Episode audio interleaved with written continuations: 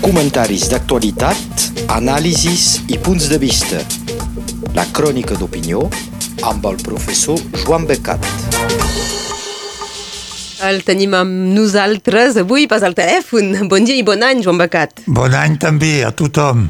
Um, no tothom per això té el mateix Nadal. Sí, amb la treva del Nadal ortodox rus decretada per Vladimir Putin, que ha estat el primer a no respectar-la, s'ha fet evident que, com ho ha estat sempre, la religió és més que una creença.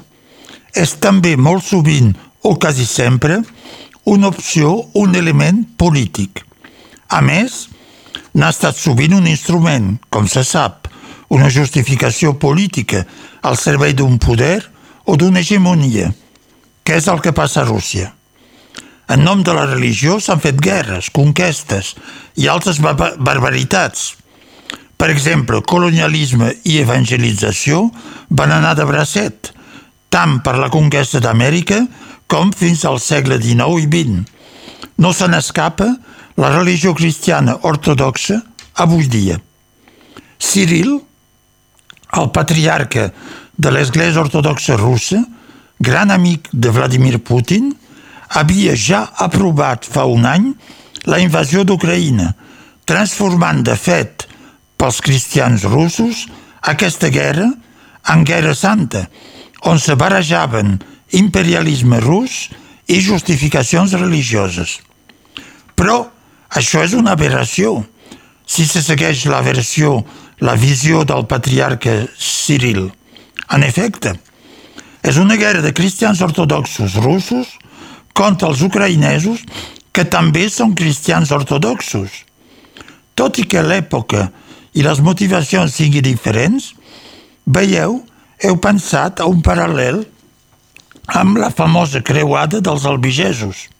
A llavors, eren cristians del nord, del regne de França, que feien una guerra amb motius religiosos i polítics contra altres cristians, els càtars, i al final contra tot el sud.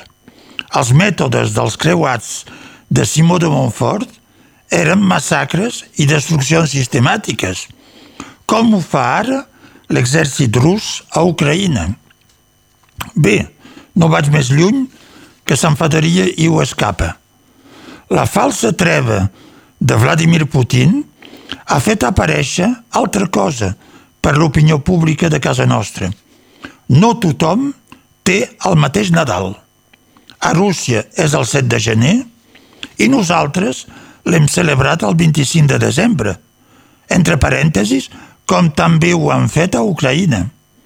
Per tant, pel Nadal ortodox ucraïnès, el 25 de desembre, la població l'ha celebrat sota un diluvi de míssils, bombes, bombardejos enviats pels germans ortodoxos russos cosa que és molt poc cristiana. I fa uns dies, pel Nadal ortodox rus, Putin i Cyril volien una treva per celebrar el naixement del Crist, ells, amb tranquil·litat i sense bombes. Ho entengui qui pot.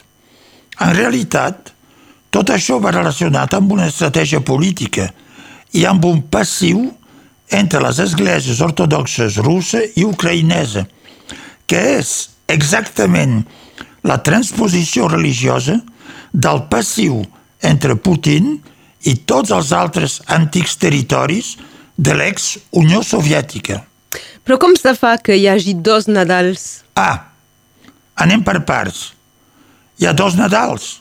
Sí, els ortodoxos russos celebren la festa de Nadal la nit del 6 al 7 de gener perquè han conservat el calendari julià dit així perquè va ser introduït a l'inici per Juli César, que té 13 dies de diferència amb el nostre calendari occidental dit gregorià, car va ser instituït pel papa Gregori XIII al segle XVI per recuperar precisament els dies de deriva progressiva de l'any.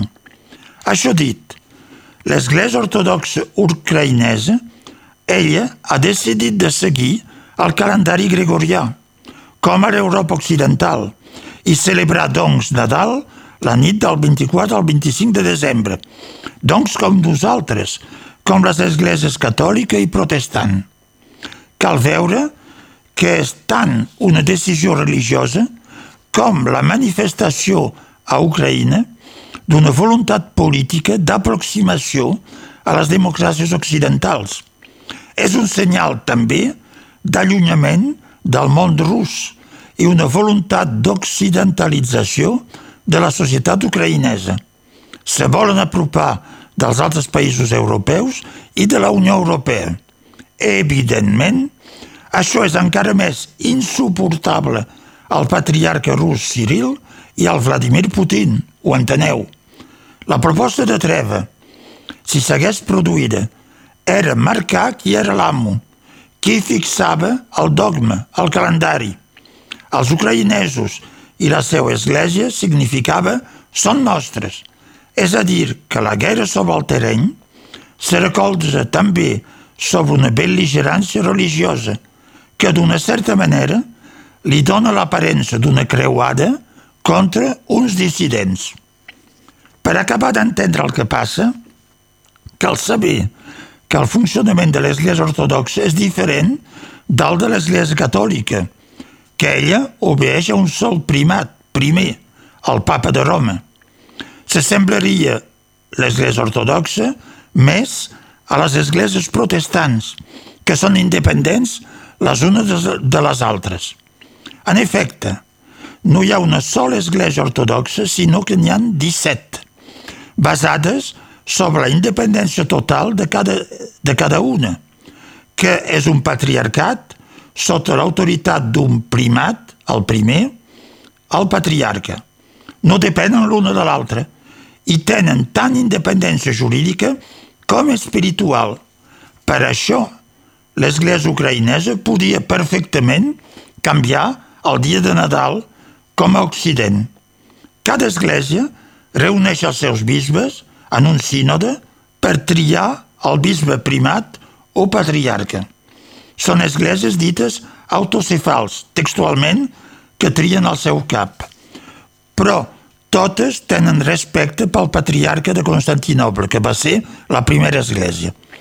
Les primeres esglésies ortodoxes diuen que van ser fundades pels apòstols del Crist i les altres fins avui dia són la de Constantinoble, d'Alexandria i tot Àfrica, d'Antioca i tot l'Orient, Jerusalem i països o estats com Geòrgia, Xipre, Grècia, Rússia, precisament, Sèrbia, Romania, Bulgària, Albània, Polònia, Txèquia i tres que són més recents, contemporànies. Són Amèrica, Ucraïna l'any 2018, que Moscou considera sempre com un sisme, cosa que explica la polèmica de la treva de Nadal i la de Macedònia el 2022, l'any passat. Això pot explicar que tinguin interessos comuns, a més de llur amistat personal, el patriarca rus Cyril, que vol fer retornar l'Església ortodoxa ucraïnesa sota la seva autoritat, i Vladimir Putin, que vol fer retornar el territori ucraïnès dins el conjunt rus. Els dos no consideren Ucraïna com un estat independent, sinó com una dissidència que cal recuperar com sigui. Mentrestant, una guerra terrible i sagnant continua, que l'hivern no para. Amb els bombardejos sistemàtics de ciutats i infraestructures, se veu que no és només un front, sinó una guerra total contra una població civil contra un país. Ho seguirem. Canviem ara de, de tema, deixem el Nadal enrere i ens traslladem al 19 de gener, una cimera. Emmanuel Macron i Pedro Sánchez es reuniran a Barcelona. Efectivament. En la crònica de la setmana passada us comentava el perquè de l'aproximació del president Macron i del primer ministre espanyol Pedro Sánchez. Amb Alemanya, que va per la seua, Només Macron té Espanya amb qui recolzar-se en la Unió Europea. Hi va haver diverses reunions i Pedro Sánchez va ser rebut al Palau de l'Elisi a París al març de l'any passat. Per tant, ara toca a Pedro Sánchez de rebre el president Macron. Tot normal. El més normal i natural, i també el més segur, hagués estat que Pedro Sánchez el rebi a Madrid. Però ha volgut fer una jugada i ha decidit que l'encontre se faria a Barcelona, doncs el 19 de gener. Per què prendre aquest risc de suscitar manifestacions, de provocar reaccions de rebuig dels independentistes que, evidentment, ho prendran i ho prenen com una provocació, perquè n'és una. La resposta la tenim des de fa unes setmanes i la vaig evocar la setmana passada. Amb la rendició del govern de Pere Aragonès i d'Esquerra Republicana, rendició a l'Estat, quan va firmar a l'inici de la taula de diàleg una declaració comuna on acceptava que la negociació se faria en el marc legal, és a dir, la Constitució, significava que s'enterrava el primer d'octubre i el seu referèndum i que qualsevol intent de via unilateral estava prohibit. Se tornava, de fet, a l'autonomisme i se deixava de banda el procés d'independència.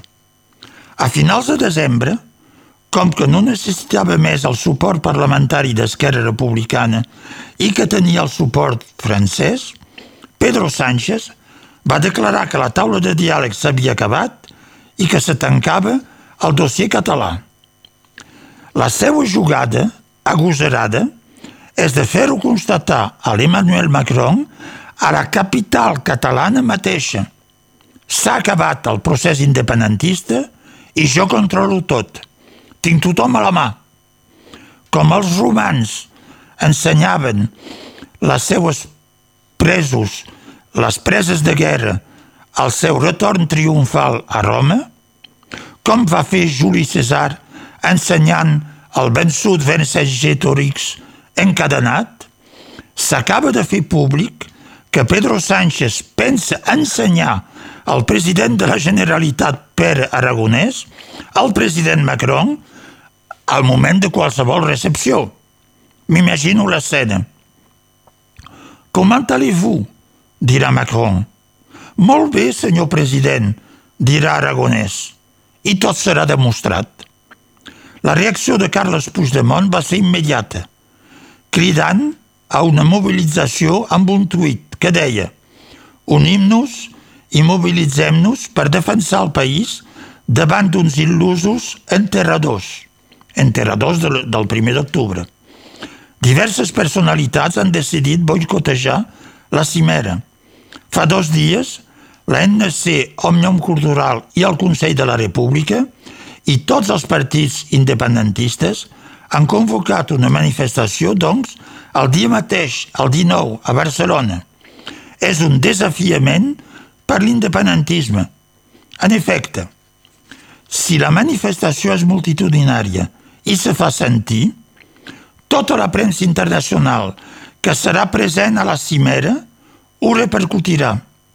El missatge de la premsa serà l'independentisme català és sempre viu, el procés no és acabat i desafien Macron i Pedro Sánchez. Al contrari, si la manifestació és modesta i les forces de l'ordre la mantenen a distància, sense més pertorbacions, Pedro Sánchez haurà demostrat al president Macron que tot està controlat i que l'1 d'octubre va ser una febrada ara curada. De fet, Pedro Sánchez ha posat la resposta i l'impacte internacional a les mans dels catalans. A veure què en faran. Moltes gràcies, Joan Becat. Bon dia a totes i a tots. Que vagi molt bé. Comentaris d'actualitat, anàlisis i punts de vista. La crònica d'opinió amb el professor Joan Becat.